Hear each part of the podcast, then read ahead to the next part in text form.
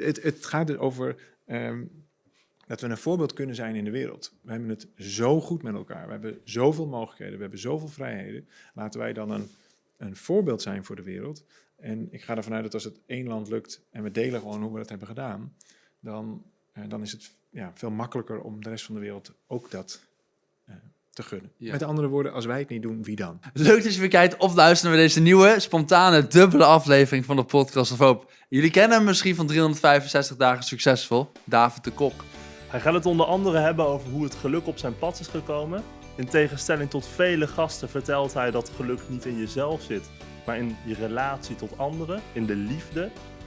En hij vertelt hoe hij zijn thuis in de zweethut heeft gevonden. Podcast of Hope, moving towards happiness. Nou, leuk dat je er bent. Heel leuk. Thanks. Ja. Het is jouw ambitie om heel Nederland gelukkig te maken, als ik het goed heb.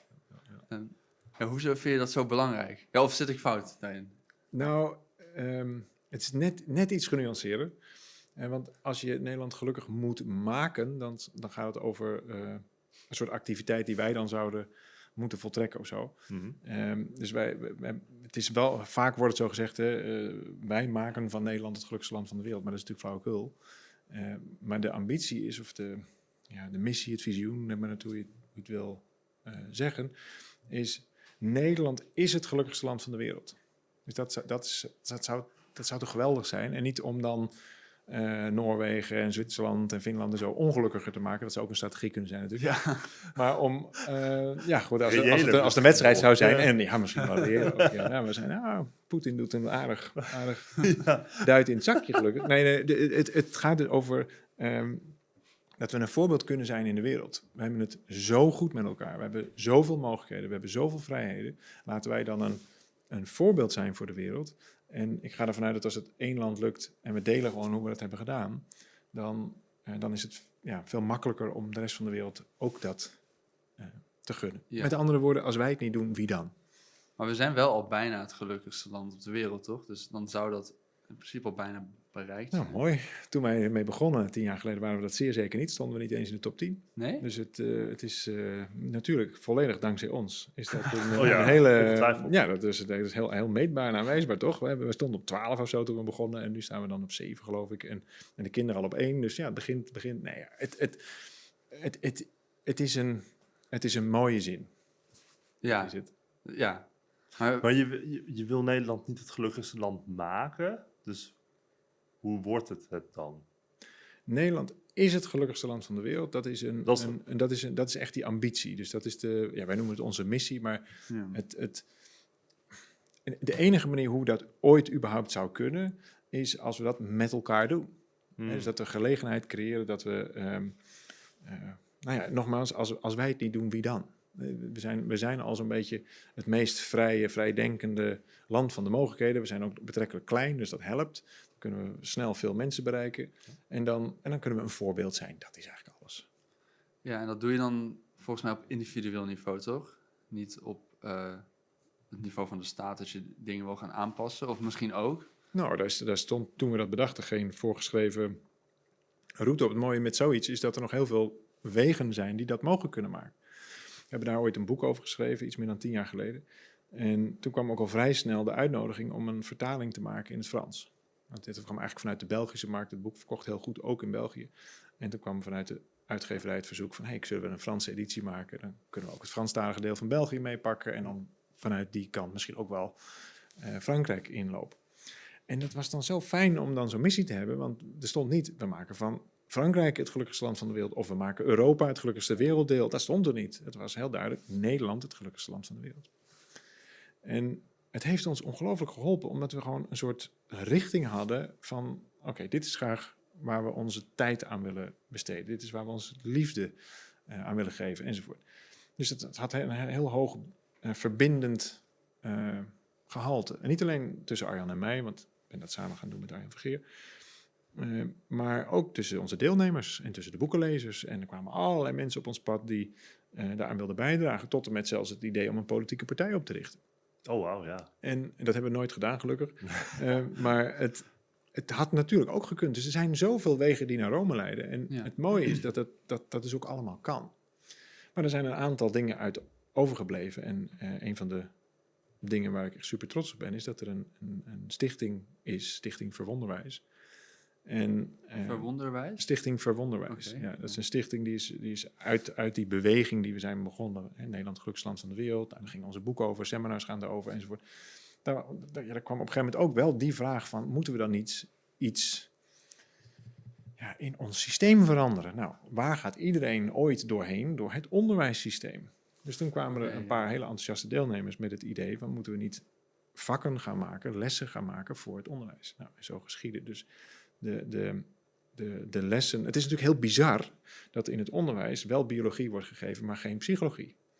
Psychologie is gewoon een geaccepteerde wetenschap. Ja. En, en op heel veel eh, wetenschappen is er, dat zijn gewoon vakken op school. En ook verplichte vakken op school. Het is natuurlijk echt heel vreemd dat we wel Frans moeten leren, waar je geen kloot aan hebt. En eh, tenminste de meeste mensen niet. En dat je niet psychologie leert, gewoon als basisvak, waar je je hele leven wat aan hebt.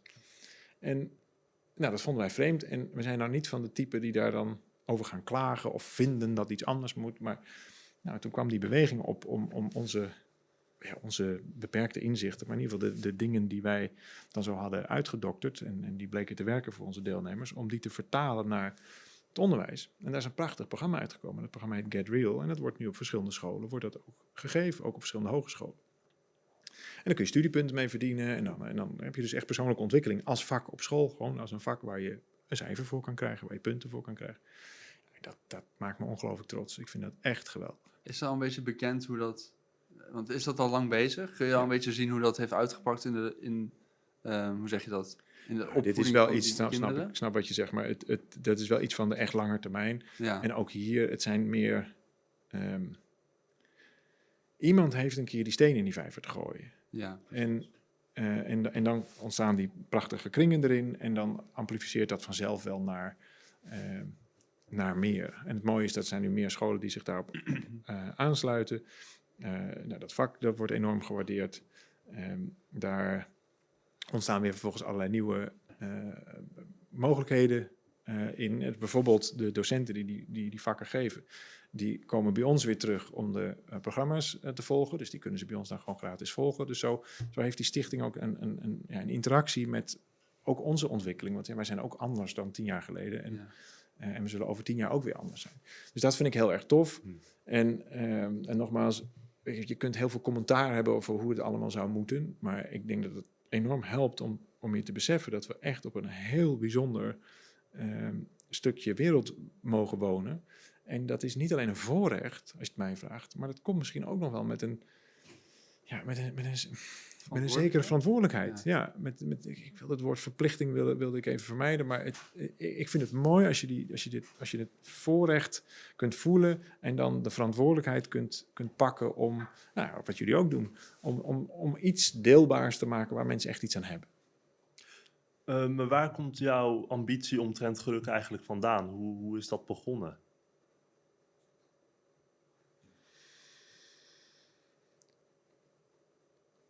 Poeh. Ehm, ik weet eerlijk gezegd niet of het daar nou zo in zat hoor. Het, het, ehm, nou, waar, waar ik zelf eh, heel gelukkig van word, is ehm, dingen ontdekken.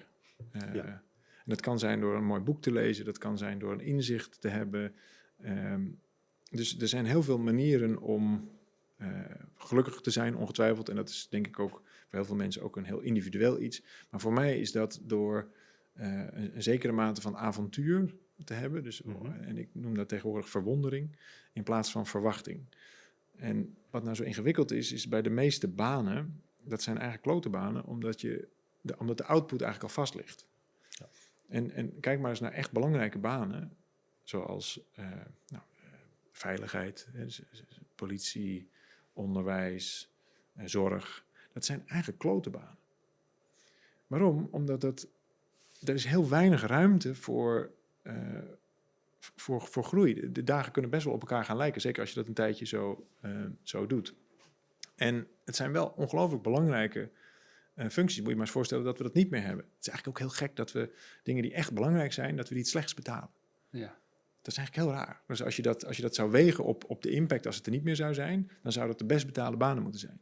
En dan hebben we ook meteen een heel groot probleem opgelost. Maar goed, dat even terzijde. Ehm maar omdat het zo'n... eh, en, en, I really honor them. Ik, ben, ik ben echt diep onder de indruk van mensen die zo... eh, zoals zoals eh, de juffrouw van, van mijn kinderen, van mijn jongste kinderen. Dat is echt waar. Zo bijzonder. Met zoveel passie en zo echt liefde voor die kinderen. Liefde voor het onderwijs enzovoort. Dat is werkelijk geweldig. En toch wordt het gewoon wel weer Sinterklaas. En dan sta je daar twintig jaar later weer die Sinterklaas te organiseren. En veertig jaar later weer enzovoort. Dus daar zit betrekkelijk weinig... Of laat ik het anders zeggen, je motivatie zal ergens anders vandaan moeten komen. En ik vermoed dat het bij de meeste van die mensen ook ergens vastloopt om die reden. En bij mij zeker. Ik ben supersnel verveeld. Mhm. Dus ik hou heel erg van, eh, van groeien. En, en ik wilde dat denk ik vooral gewoon graag zelf ontdekken. En ik dat Arjan dat ook had. En toen hadden wij zoiets, nou, laten we dan eens kijken hoe ver we kunnen komen. Nooit gedacht dat daar ook veel interesse eh, in zou zijn. Het was, wij, wij hadden een, eh, ehm, nou, een soort bijbaan. We, we waren al wel zelfstandig ondernemer. We waren net weggegaan bij een wat groter bedrijf waar wij allebei werkten. En eh, we hadden wel zoiets van, hey, we willen eigenlijk veel meer ontdekken wat, we zelf, wat er in ons zit, wat we zelf kunnen, eh, Mhm. wat, wat- hoe ver kunnen we komen. Maar wij deden gewoon business coaching. Wij, wij leerden ondernemers gewoon een bepaald model wat wij hadden geleerd en wat goed had gewerkt in het verleden. Nou, dat, dat trainden wij dan. Dus we waren dan trainer of coach of net hoe je dat wil noemen. En dat, dat betaalde goed. Dus wij dachten, nou dan doen we dat als werk. En dan gaan we gewoon aan persoonlijke ontwikkeling doen. Als, nou ja, passie, als hobby. Mhm. En the best way to learn is to teach. Dus wij wilden gewoon het leren. En als je het echt wil leren, dan moet je het onderwijzen. Want dan, dan, nou ja, dan heb je een stok achter de deur. Dan wil je daar meer over weten. Nou, dat zijn we gaan doen. En in eerste instantie maar gewoon om er een boek over te schrijven. Dus dat kan ik echt iedereen aanbevelen. Ga een boek schrijven. Dan, dan, dan, dan wordt het meer dan een verhaal. Maar als je het aan papier toevertrouwt en je laat het anderen lezen, dan, dan, ja, dan ordent het ook in je hoofd. En het better be good. Je wil ook dat een andere wat aan heeft enzovoort. Dus dat werkte heel goed. Dus we begonnen dat te delen. Dat begon wind te vangen. Eh, dat werd een enorm goed verkocht boek. Vanuit daar kwamen ook vragen van... hé, hey, maar dit is een leuk boek, maar kunnen we daar ook eh, meer mee? Dus zijn we een programma gaan, gaan- omheen gaan ontwikkelen. En zo is het eigenlijk ontstaan. Het is veel meer geboren Hmm. als een, een, een, nou ja, een ideetje... wat uiteindelijk helemaal een bepaalde vorm heeft gekregen. Dan dat wij nou van tevoren hebben gezegd van... nou, wij gaan het wel eens even zo aanpakken. Dit is de marsroute en dan gaat het zo en zo en zo. En dan zijn we 2018 en dan zit de Ziggo Dome vol. Dat, dat, dat, was, dat is wel zo gegaan, maar dat Ja, stond natuurlijk in geen enkel plan. Nee, dat kun je, kun je absoluut niet voorstellen. nee. Nee, dus, dus je, je kwam eigenlijk op zelfverbetering door een bepaalde maat aan eh, ja, avontuurlijkheid. En je Van ja, dat het was- geluk tot gevolg had eigenlijk. Het was meer eh, een soort nieuwsgierigheid. Nou, het was eigenlijk misschien nog wel anders. Nu het is toch wel leuk dat, dat we dit hier over hebben zo. Ja, dat vind ik dus leuk, want dan ben ik zelf ook weer even aan het nadenken van hoe is het nou eigenlijk gegaan. Ja. Vaak verzinnen we pas achteraf er een reden bij, want het, ja, het ging gewoon zo. En, Hmm. eh, dus dat was ook gewoon heel veel ja, van toeval aan elkaar hangend. En toen werd het ineens zoiets en dat, en dat, ja, dat, dat was geweldig. En ook het moment dat het minder geweldig werd, was dat het wel voorspelbaar werd. Want ja, toen hadden we dus in die Oh ja. Gestaan en toen waren er zoveel mensen op de been. En wat dan? Dus daar was ook wel een soort ehm, eh, nou ja, nieuwe vraag ontstaan. Moet het dan nog groter, nog gekker? Of, of zat het niet in die grote? Nou, dus daar was ook een soort van existentiële crisis eh, ontstaan. In ieder geval in mij. Toch wel ironisch dan, hè? Dat, dat op het moment dat je iets heel groots bereikt hebt, dan dat het dan opeens saai begint te worden. Nou, het was niet saai, het was vooral heel teleurstellend. Oh ja, ja. Dat, ik, dat ik echt dacht, dit is het. Nu ben ik echt volmaakt gelukkig. dit, zou, dit is mijn dag. Weet je. Dit is groter dan ik ooit had durven dromen. Ja. En dan mag ik straks op dat podium staan en dan is iedereen blij. En ik ben dan, nou, dat was helemaal niet zo. Dat was ook niet heel vervelend, maar het was gewoon een werkdag en een behoorlijk zware werkdag. En, Ja. en, en, en er hing ook heel veel vanaf en dat lukte gelukkig goed. En dan, nou, ik zat toevallig met een vriend gisteravond die vroeg er naar eh, of er nog foto's van waren. En ik heb een heel mooi fotoalbum gekregen van, van die, eh, die twee dagen dat we daar eh, aan het werk waren. Dus we zaten gewoon eens wat foto's daar door te bladeren. En dan kun je achteraf ervaren dat het waarschijnlijk heel tof geweest moet zijn. Nou, dat zegt al een beetje dat het heel moeilijk is om in dat moment Ja. daar ook echt te kunnen genieten. Ja. En ik had natuurlijk gehoopt dat er een soort van ja, eh, super extase zou zijn van je hebt iets bereikt. Je hebt zelfs meer bereikt, bereikt dan je had kunnen dromen, dan je had durven dromen. En, en toch leverde dat gewoon een dag hard werken op. Nou, zou ik dan nog een keer zo'n steen de heuvel opduwen op die manier? Nou, ik denk het niet. En eh, dus dat was eigenlijk een beetje ja, teleurstellend. Het was gaaf natuurlijk. En ik, en ik ben heel blij met de foto's. Maar het was, dat was het niet. Dat was het niet. En even terug naar, naar die vraag van hoe, hoe, is het dan zo, eh, hoe is het dan zo gegaan? Hoe is het dan zo gekomen? Wij, wij zagen dat er. ehm dat is een wijsheid die mijn opa vroeger al, eh, al, al bezigde. Hij zei. Je zou eigenlijk een liefdesrelatie wat meer moeten managen zoals je een bedrijf managt. En je zou eigenlijk een bedrijf moeten managen wat meer zoals je een liefdesrelatie zou willen managen. Oké. En dat vond ik zo wijs, dat vond ik zo mooi. En wij, wij zagen namelijk dat die modellen die we toepasten op bedrijven, gewoon een bedrijf heeft kernwaarden.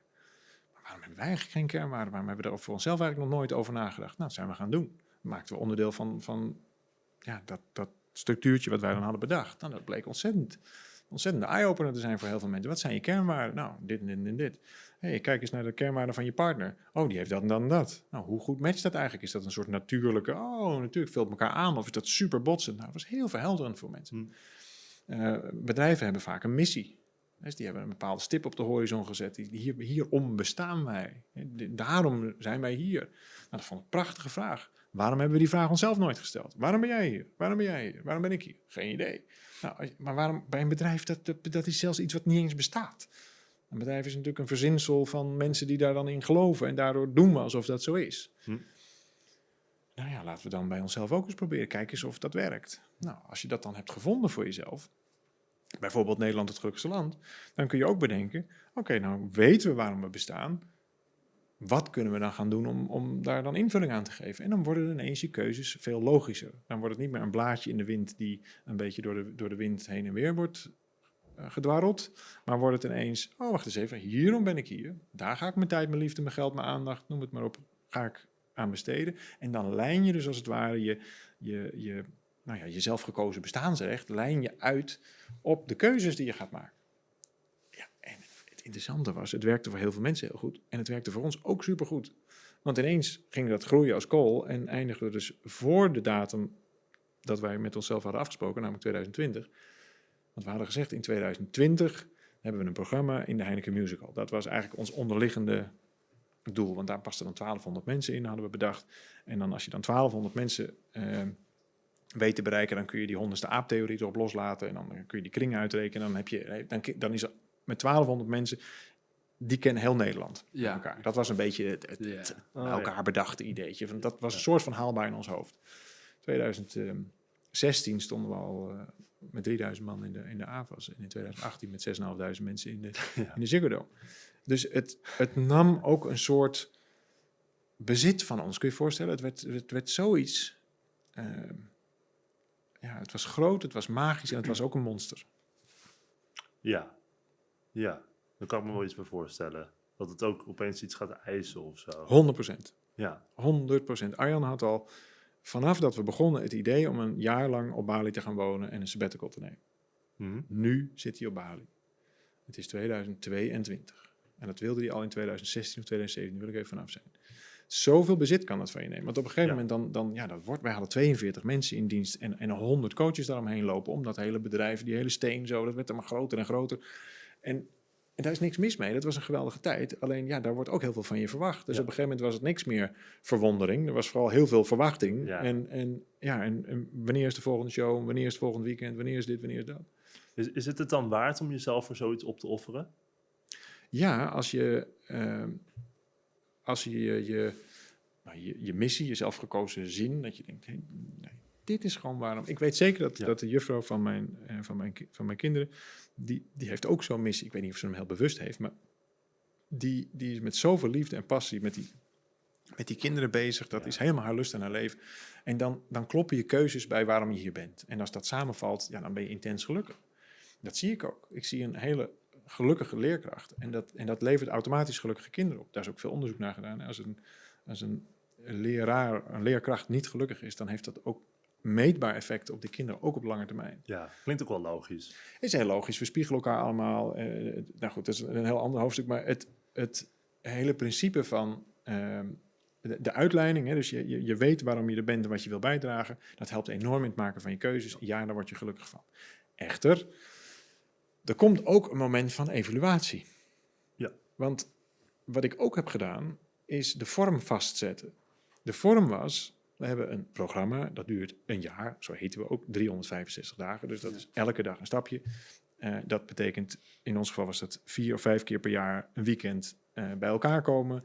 Eh, dat had een hoog ehm eh, voorbereiden, showgehalte eh, enzovoort. Ja, en dat wordt dan je vorm. Hmm. En daar kun je, zeker als je zo- zo'n fors bedrijf eromheen hebt gebouwd, dan kun je op een gegeven moment niet meer eh, onderuit. Dan, dan worden gewoon de volgende shows gepland en dan wordt er weer dit van je verwacht. En dan eh, zit je ineens in, een, eh, in, in, de, grimage en ik kreeg toevallig net een beetje poeder op mijn hoofd van hartstikke, lief, maar toen moest ik even denken aan die, aan die tijd. En, en ik weet nog dat ik na, na de Ziggo Dome mezelf heb beloofd dat ik nooit meer in de grimage Oh nee. Ja. Oh, Dus dat, dat, ehm, al je Oh, oh. verloren. Nee, dit was heel, dit was heel, heel, ehm, heel, heel helend was dit, om dat gewoon weer even zo toe te stellen. Nee, maar, snap je het punt? Het gaat natuurlijk niet over de, over de poeier op je gezicht, maar het gaat over, je bent, ben je zo ver weggeraakt van, eh, eh, van de inhoud, zeg maar. De vorm wordt op een gegeven moment, nou, er was ook binnen die vorm best wel veel eh, inhoud, alleen de vorm was vast. Het was een grote zaal, het was, nou, het was altijd in die structuur enzovoort. En op een gegeven moment moet je even opnieuw herijken, in ieder geval wij hebben dat gedaan, van ja, waarvoor zijn we eigenlijk nu dan op deze wereld? En, Ja. en, en voor mij is het zo dat dat ongeveer om de, nou, pak een beet, zeven jaar wisselt. Dus ergens rond een zeven jaar begint het bij mij te kriebelen en wil ik eigenlijk iets anders. En dat heeft bij mij echt wel een tijdje geduurd voordat ik daar weer opnieuw vrij van was. En corona heeft daar een geweldige bijdrage in geleverd, want wij werden ineens verboden. Daar kwam het eigenlijk op neer. wij konden gewoon niet doen wat wij deden. En we hebben toevallig pas een paar maanden geleden na kunnen leveren wat we in 2020 hebben verkocht. Dus in 2020 ging die, die, die, hele, hele meuk op slot. Wij hadden toen al duizenden kaarten verkocht voor allerlei verschillende dingen. Ja. En die moesten wij dus naleveren. Dus we hebben net een vijfdaagse erop zitten, waarbij we al die dingen allemaal bij elkaar hebben gezet. En zo leveren we in vijf dagen alles in één keer leveren we dat na. Want we bleven maar uitstellen, uitstellen, uitstellen. Wel bizar, hè? Eigenlijk. Het waren weer vervolgens geweldige dagen. Dus dat heeft heel veel in mij aangewakkerd. Maar het was ook een hele mooie, sweete afsluiting. Want daarmee was ook ja, echt een soort van geschiedenis was afgesloten. Arjan kon op zijn sabbatical. Ja. Of kon in ieder geval op Bali, waar hij is nog wel aan het werk. Want dat is ook iets wat blijft kriebelen. Maar hij is in ieder geval zijn droom aan het doen. Eh, hij noemt dat zelf next level living. Vind ik echt heel tof. Dat is, dit, is gewoon, dit is gewoon mijn next level. Ik wil dit meegemaakt hebben. Vier kleine kinderen. Is daar met zijn vrouw naartoe verhuisd en, en zit daar in jungle. eh weliswaar op een hele toffe school, de Green School, aanrader. Ehm, want daar snappen ze het echt goed. Maar goed, die is dat aan het doen. En dat gaf vreselijk veel ruimte. Hij wilde dat graag doen. We wisten, dit gaan we afsluiten. Die vijfdaagse was echt geweldig. En vervolgens, ja, we hebben nu niet meer 43, of eh, 42 man pardon, eh, in dienst. We hebben niet meer die 100 coaches eromheen lopen. We hebben niet meer die hele grote zalen eh, geboekt. Maar we hebben nu een, een online academy met 25.000 deelnemers erin. En daar hoef ik gelukkig heel weinig verder mee te doen. Want dat, dat loopt en dat, dat wordt keurig netjes eh, ja, gemanaged. In de, dus er is een heel nieuw soort leven ontstaan. Zonder dat ik daar op enige wijze om gevraagd heb. Ja.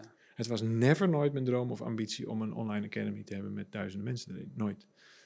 Ja, je, je had het net over dat dan de Heineken Musical vol zou staan. En dat Mhm. die mensen als een soort van eh, golfeffect iedereen Ja. willen besmetten. Ja. Ehm, is dat nu iets waarvan je ervan uitgaat dat dat automatisch gaat gebeuren nu jullie hier klaar mee zijn? Is nu de, jullie aandeel geleverd in Nederland het gelukkigste land ter wereld te maken? Eh, in ehm, 17 november uit mijn hoofd komt ons nieuwe boek uit. En daarin leggen we uit waarom dat niet zo goed heeft gewerkt. Oké. Ehm, het, eh, we hebben een enorme bijdrage, onbedoeld natuurlijk, een enorme eh, bijdrage geleverd aan een, een, dat, ja, dat hadden we tien jaar geleden niet in de gaten dat het zo kon werken, maar tien jaar geleden werd ineens persoonlijke ontwikkeling voorzichtig aan een ding. In eerste instantie verklaarden ze ons voor gek en tegenwoordig, bedoel, er zijn zoveel podcasts over dit onderwerp, er zijn zoveel boeken over geschreven, er zijn zo, inmiddels ook zoveel zalen worden er gevuld met, met, met aanverwante eh, programma's. Nogmaals, tien jaar geleden verklaarde iedereen ons voor gek. Sterker nog, ons boek mocht niet 365 dagen gelukkig heten, want zo wilden wij het noemen. Eh, maar dat mocht niet van de uitgever, want geluk was een, een onderwerp wat niet verkocht. Dat was letterlijk het argument. Wow. En succes zou wel verkopen, dus werd het 365 dagen succesvol. Ah, En daar hebben wij een of andere eh, verhaal bij bedacht dat je niet succesvol kunt zijn als je niet gelukkig bent. Want anders ben je, heb je misschien wel die auto, maar ben je doodongelukkig in die auto. En dat is dus helemaal niet succesvol. Maar goed, dat hebben we er later een soort van in de bocht bij bedacht. Het, ehm, het tij is enorm veranderd. En het ingewikkelde is, en dat, dat is grappig, want ik heb een aantal van jullie podcasts ter voorbereiding hierop ook, ook beluisterd. En ik denk, ik heb het niet geturfd, maar het zou me niet verbazen, dat het meest gehoorde woord in jullie podcast het woord zelf is. Waar zit best geluk? Het zit in jezelf. Ja. Je moet het bij jezelf zoeken. Je, het geluk zit niet van buiten, geluk komt van binnen. Het moet allemaal naar zelf, zelf, zelf. Elke aflevering weer eigenlijk. Elke aflevering weer. Nou, niet elke aflevering, maar, de- maar in veel afleveringen is dat, zoals ik het heb beluisterd, en ik heb ze echt niet allemaal beluisterd, maar die paar die ik heb geluisterd, viel me dat op. Ja. En eh, iedereen mag daar natuurlijk zijn, zijn eigen mening in hebben. En ik vind het ook mooi dat jullie die zoektocht zo ehm, de ruimte geven. Dat is natuurlijk prachtig. Ehm, ons boek gaat over dat dat daar niet zit. Dat, dat, dat je vanzelf niet gelukkig wordt. Sterker nog, van introspectie, van het idee van naar binnen gaan en jezelf daarin ontdekken, word je juist ongelukkig. Hmm. Omdat je vanuit de bril kijkt, blijkbaar is geluk überhaupt te vinden. Blijkbaar heb ik iets te doen. Met andere woorden, ik ben er nog niet, dus er is iets mis. Of ik moet nog iets, moet dit nog hebben, of moet dat nog. En dat kunnen we daar niet vinden, dus gaan we naar binnen toe. En wij noemen dat in het boek, noemen we dat de zelfontwikkelingsmythes. We beschrijven er 25 en hebben er dan ook 25 andere manieren van kijken over ehm, hoe, je, nou, hoe je er anders naar zou kunnen kijken en hopelijk tot een gewenst resultaat. Want wat is er namelijk aan de hand? Nederland vereenzaamt. En niet zo'n beetje ook. Het is een bijproduct, het is natuurlijk nooit zo bedoeld, maar een bijproduct van een heel succesvol neoliberaal kapitalistisch land, Nederland, is succes, is een keuze. Je staat er zelf voor, een terugtrekkende overheid. Dus je, je moet het uit, en dat, dat, dat werkt helemaal niet. Dat is, dat is een recept waar je dus wel economische groei mee kunt bereiken, zonder meer waar. Hmm. Maar dat blijkt ook wel. Alleen, dat is niet een recept waar je gelukkig van wordt. We vereenzamen. Eenzaamheid is, denk ik, een van de grootste stille ziektes in Nederland. Ja, sociale media heeft er ook wel een handje in natuurlijk. 100 procent. Ja. 100 procent. Dus het, het, dat, dat is namelijk niet echt. Ja, ja, precies. Dus de, en het is maar net hoe je het aanwendt hoor. Dus ik ben helemaal niet per se tegen sociale media. Dat zou een beetje raar zijn in mijn geval. Met de hoeveelheid mensen die wij eh, per week bereiken. Elke keer maar weer met ons verhaal. Dus dat eh, door sociale media zijn wij ook geworden wie we zijn geworden. Dat was echt, niemand wilde ons hebben in de reguliere media in het begin. Dus zijn we het gewoon zelf op de sociale media gaan doen. En toen waren we een van de eerste. En dat ving toen heel veel wind ook. En later werd dat, we hebben drie jaar voor, de, voor het Algemeen Dagblad een column geschreven. En toen werd dat veel normaler. Maar dat was het in het begin zeker niet. Dus het heeft ons enorm geholpen. Alleen als je goed kijkt naar, ehm, naar een soort natuurlijk geluk, dan is dat niet iets wat van jou is, maar dat is iets wat bij jou is. En ik begin steeds meer moeite te hebben met het woord geluk. Ehm, of moeite, omdat het ook zo'n, zo'n het is bijna een, een, het woord is zoveel gebruikt en onderzocht en, en bemeningd, dat dat, ehm, eh, dat je op een gegeven moment ook niet meer precies weet. eh, ik zou het eigenlijk aan jullie moeten vragen, want jullie hebben meer mensen erover gesproken. En, dat, en dan komt er waarschijnlijk ook niet een eenduidig antwoord. Maar een woord wat iedereen zal snappen hoe dat is, hoe dat voelt, is het woord liefde.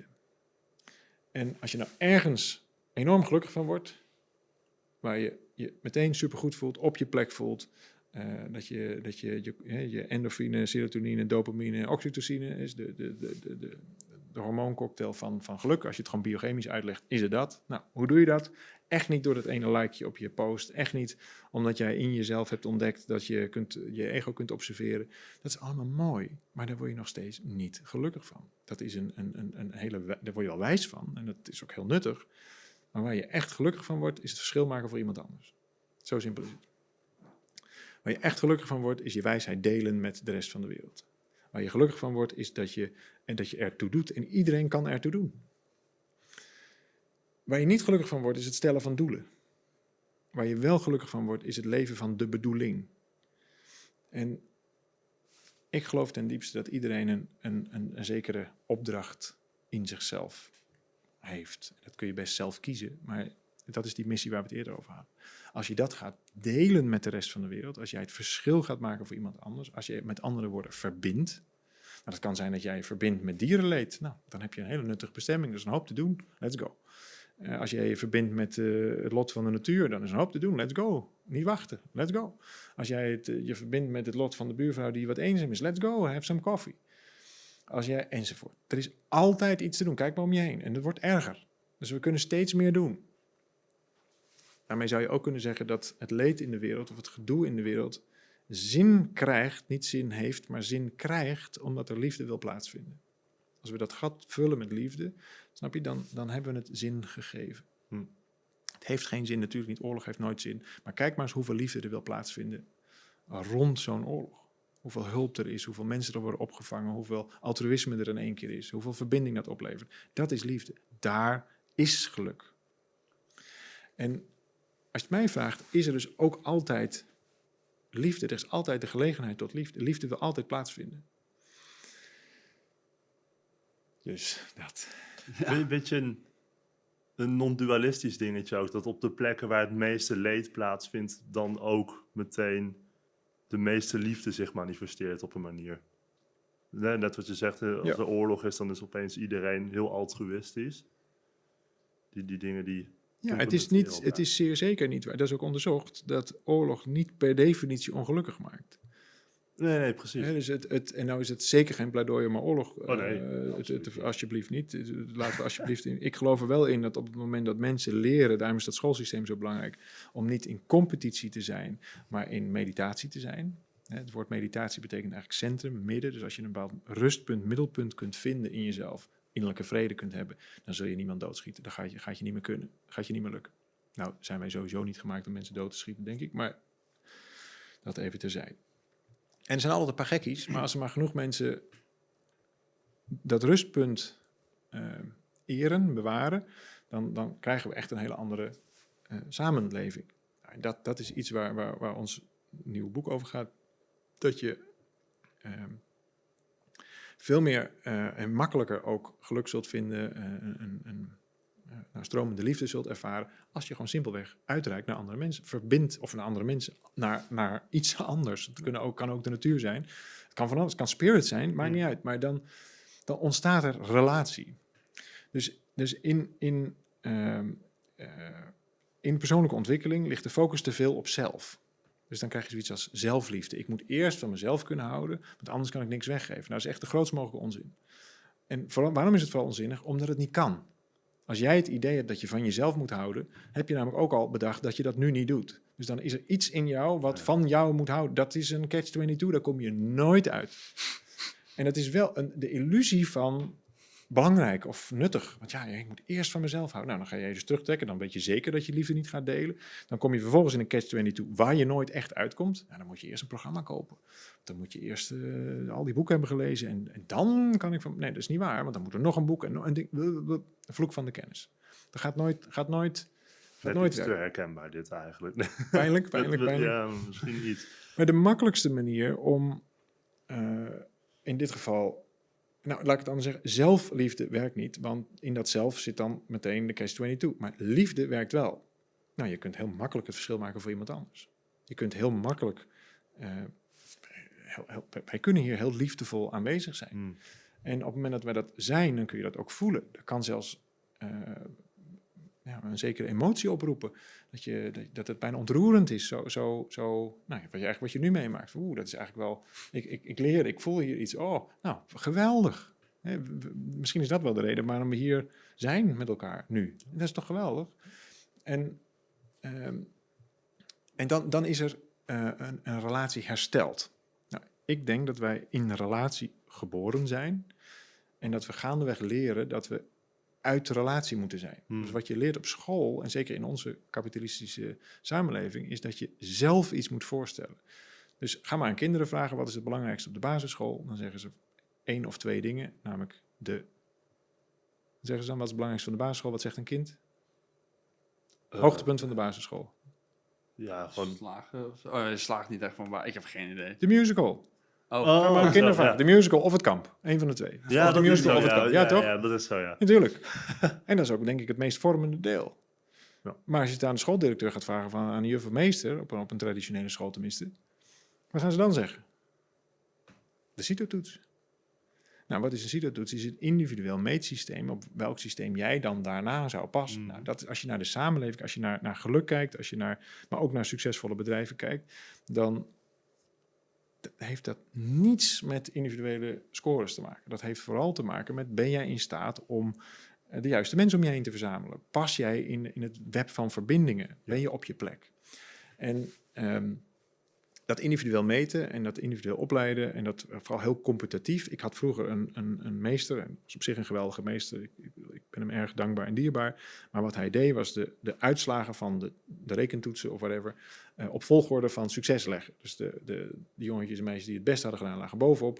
En de jongetjes en meisjes die het slechtst hadden gedaan, die lagen onderop. En dat, dat met de beste bedoelingen wellicht. Of gewoon omdat het toevallig leuk was. Of en met voetballen mochten we dan eh, twee teams. En dan mochten we kiezen. Jij mocht, dan mocht die ander kiezen, jij. En dan mocht jij weer kiezen. Nou, Mhm. ja, en dan kwamen de, degenen die net een tien hadden gescoord bij rekenen. Die kwamen dan ineens bij het voetbal weer als, nou, enzovoort. Ja. Dus het is een voortdurende competitie. Dat vereenzaamt enorm. Dat, dat, dat voedt dat idee dat jij iets voor te stellen hebt om er überhaupt te mogen zijn. Dus ik moet eerst iets zijn om er te mogen zijn. Nou, dat is ongeveer hoe ons onderwijssysteem in elkaar zit. En dus ook uiteindelijk de samenleving zo in elkaar zit. Carrière maken is een individueel iets. We hebben de medewerker van de week enzovoort. Nou, daar zit iets heel treurigs in. Namelijk dat jij dat in je eentje zou hebben kunnen doen. Kijk ook maar naar hoe we naar helden kijken, naar sporters. We denken dat dat Max Verstappen is, ik noem maar wat. Dat, is, dat weet hij heel goed. Dat is natuurlijk helemaal niet Max Verstappen. Dat is Max Verstappen, is daar het gezicht van. Maar er zit een heel, er zit duizend man achter, if not more, om dat allemaal voor elkaar te krijgen. En die zijn allemaal net zo goed winnaar. Dus als je, dat, als je het netwerk gaat eh, eh, waarderen, eh, als je de verbindingen gaat waarderen waar je, waar je in zit, dan ho- hoef je dus niet in de valkuil van de persoonlijke ontwikkeling te vallen van, eh, ja, ik moet eerst van mezelf houden voordat ik van een ander kan houden. Ja, dat individualisme is sowieso raar hoe dat opeens is ontstaan. Hè? Want Ja. natuurlijk evolutionair gezien kom je uit een situatie dat je eigenlijk wat kleiner in een, in een kleinere stam behoort. Mhm. Iedereen heeft daar zijn eigen plek. Dat het zo tot zoiets heeft uit kunnen groeien is al apart op die manier. Ja, het is op zich ook heel logisch. Ehm, en misschien ook wel iets wat, wat wil plaatsvinden, dat weet ik niet.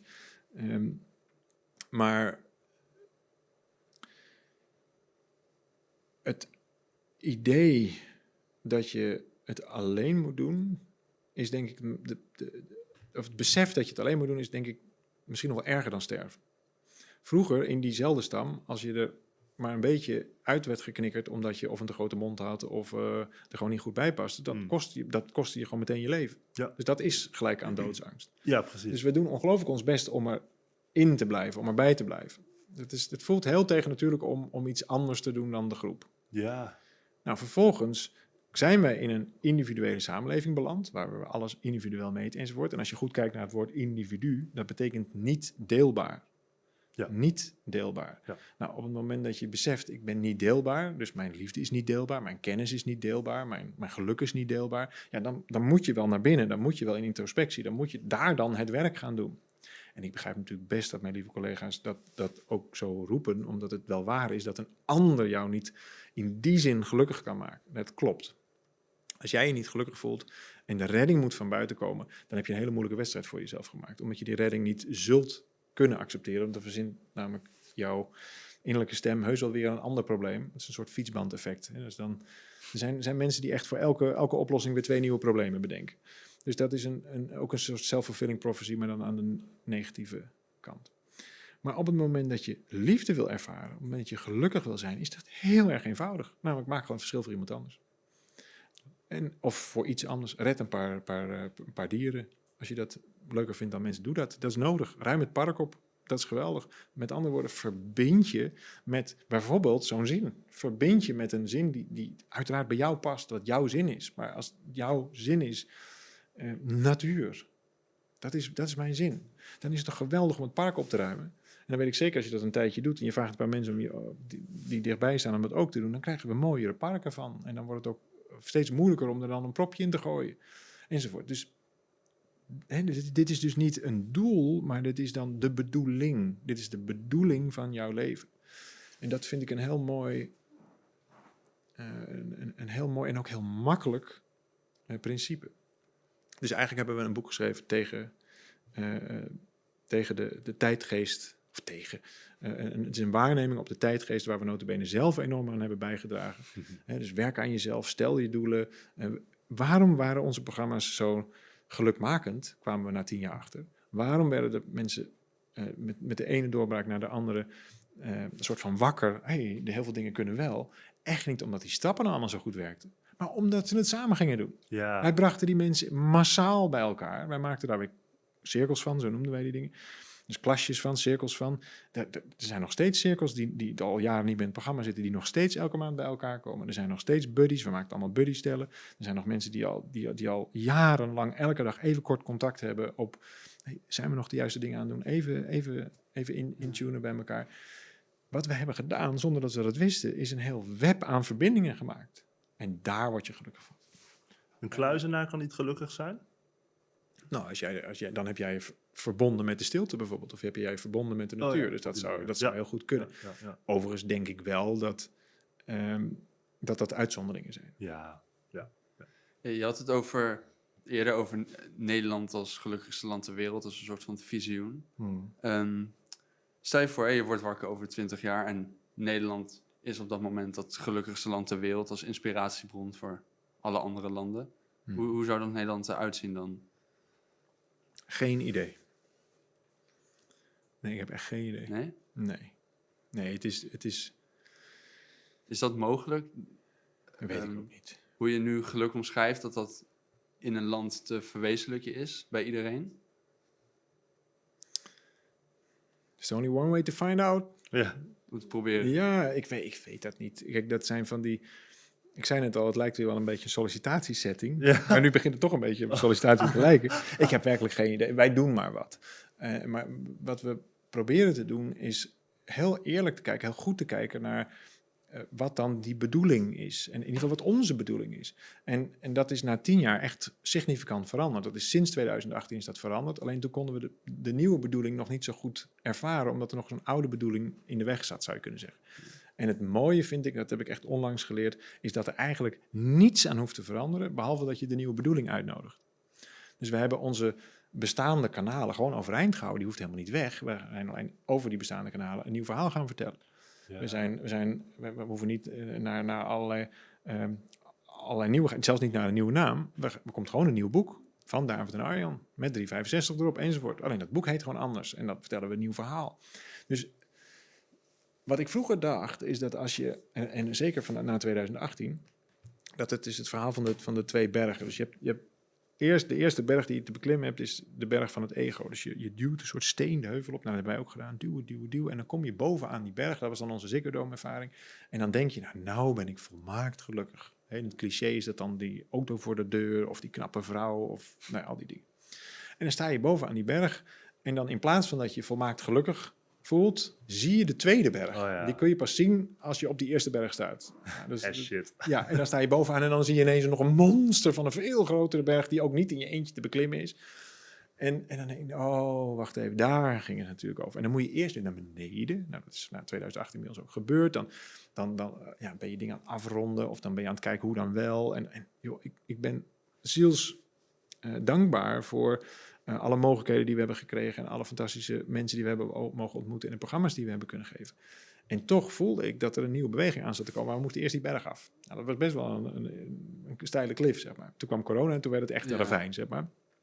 Maar er zijn prachtige dingen uit ontstaan. Alleen het had nog niet die nieuwe, ja, dat, dat, de nieuwe bezieling. Niet die, die, nog niet die bedoeling. Ja. Hmm. Totdat we op een gegeven moment na gingen denken: oké, maar wacht nou eens even, wat is hier nou eigenlijk echt aan de hand? En waarom werkt het nog steeds zo goed wat we doen? En toen kwamen we erachter: joh, wij maken niks anders dan communities. Wij, maken, wij brengen gewoon mensen weer bij elkaar. Nou, vroeger had je daar ook een heel mooi instituut voor, dat was namelijk de kerk. Die deed dat, of de sportvereniging. Maar kijk maar hoe we zijn gaan sporten. Voor sportverenigingen zijn geen vrijwilligers meer te vinden. Dus wat gaan we doen? We gaan allemaal individueel naar de sportschool. Ja. Dus het, het- het schiet als paddenstoelen uit de grond. Het schijnt in Amsterdam zelfs een, een stop te zijn op sportscholen. Dat er gewoon geen sportscholen meer in woonwijken bij mogen. Om, omdat het allemaal zoveel overlast geeft. Omdat mensen allemaal overal fietsen parkeren en met zichzelf bezig zijn en weet ik het allemaal niet. En dus er waren een aantal instituties voor die, die steeds verder afbrokkelen of er al helemaal niet meer zijn. Maar ik denk dat de diep menselijke behoefte er nog steeds is om gewoon samen te komen. en dat kan bij ons zijn een keer in een seminar, maar dat kan natuurlijk ook gewoon zijn omdat je een, een buurtbarbecue organiseert, vegetarische buurtbarbecue organiseert of iets anders. Ehm, maar het samenbrengen van mensen, dat, dat eigenlijk terug naar die, naar die way of life, hoe we dat uh, nou, 20.000 jaar geleden al deden, in die kleine communities, dat je de mensen kent, daar zit je veiligheid, daar zit je liefde, daar zit je geluk. Dat denk ik echt. Als die eerste berg die je confronteert het ego is, wat, wat, wat is die tweede berg dan? Ik denk dat je. Um, nou, ik weet niet of je beide bergen per se op hoeft, maar bij ons ging het in ieder geval zo. Dus die eerste berg, dat was een. een um, het is ook een beetje leeftijdsgebonden, maar wij waren natuurlijk jong. Uh, het lijf gieren nog van de testosteron. Dus je, je, je had ook bewijsdrang. Je wilde ook een bepaalde heuvel op. Dus ik zeg ook zeker niet dat dat slecht is. Uh, wij moesten ook die heuvel over om die tweede heuvel te kunnen zien. Hmm. Maar die tweede heuvel, die is zo uh, hoog dat je de piek niet kan zien. Dus je weet, je weet ook niet wat daar en of er überhaupt een piek is. Er zit een hele grote laag mist omheen, even in deze analogie. Ja. Maar je hebt zo'n drive, je voelt zo van, ja, dit, dit is het, dat is te gek. Maar het is niet meer jouw berg. Het is de berg. Ja. En dan gaat het dus ook niet meer... Bijvoorbeeld, het gaat, niet, het gaat dus niet meer over jou. Het gaat dus ook niet meer over de piek van de berg. Het gaat zelfs niet meer over het pad van de berg. Het gaat alleen nog maar over met wie beklim ik die berg. Dus daar zie je dat het eigenlijk veel meer gaat over. Hè, het is niet het doel, niet de weg, maar vooral de mensen met wie je die weg aflegt. En, en op dat pad kom je de meest waanzinnige mensen tegen. Op dat pad uh, ontstaat er van alles. En dan is dat is dus niet meer het pad van. Uh, er is een, gekozen stip op de horizon en daar moet ik heen, de piek van de eerste berg. Maar er is alleen maar um, ontvouwing, zou je kunnen zeggen. Het is een pad van verwondering. En in plaats van het pad van de verwachting. De eerste berg gaat over verwachtingen verwachtingen die jij van jezelf hebt, die zelfs als je ze overtreft, dat je het nog in je kop haalt om te bedenken, ja, maar dat was toch nog niet helemaal af, jongen. Weet je, dat was dan toch net jammer dat dit er niet was. Weet je zo. Nou, dat stemmetje, daar, daar kun je echt heel moe van worden. En daar heb je soms ook zo even op zo'n piek te staan om, om dat te ervaren. Als je denkt dat je van heel veel seks, heel veel gelukkig, als je enorm gelukkig wordt, nou, dan moet je vooral heel veel seks hebben. En dan kom je er op een gegeven moment achter dat dat, dat, dat het ook niet is. Maar ja, ik ben iemand die daar wel eerst achter moet komen. Want ik kan het wel in een boekje lezen dat het zo niet werkt, maar dan, dan, dan geloof ik het al helemaal niet.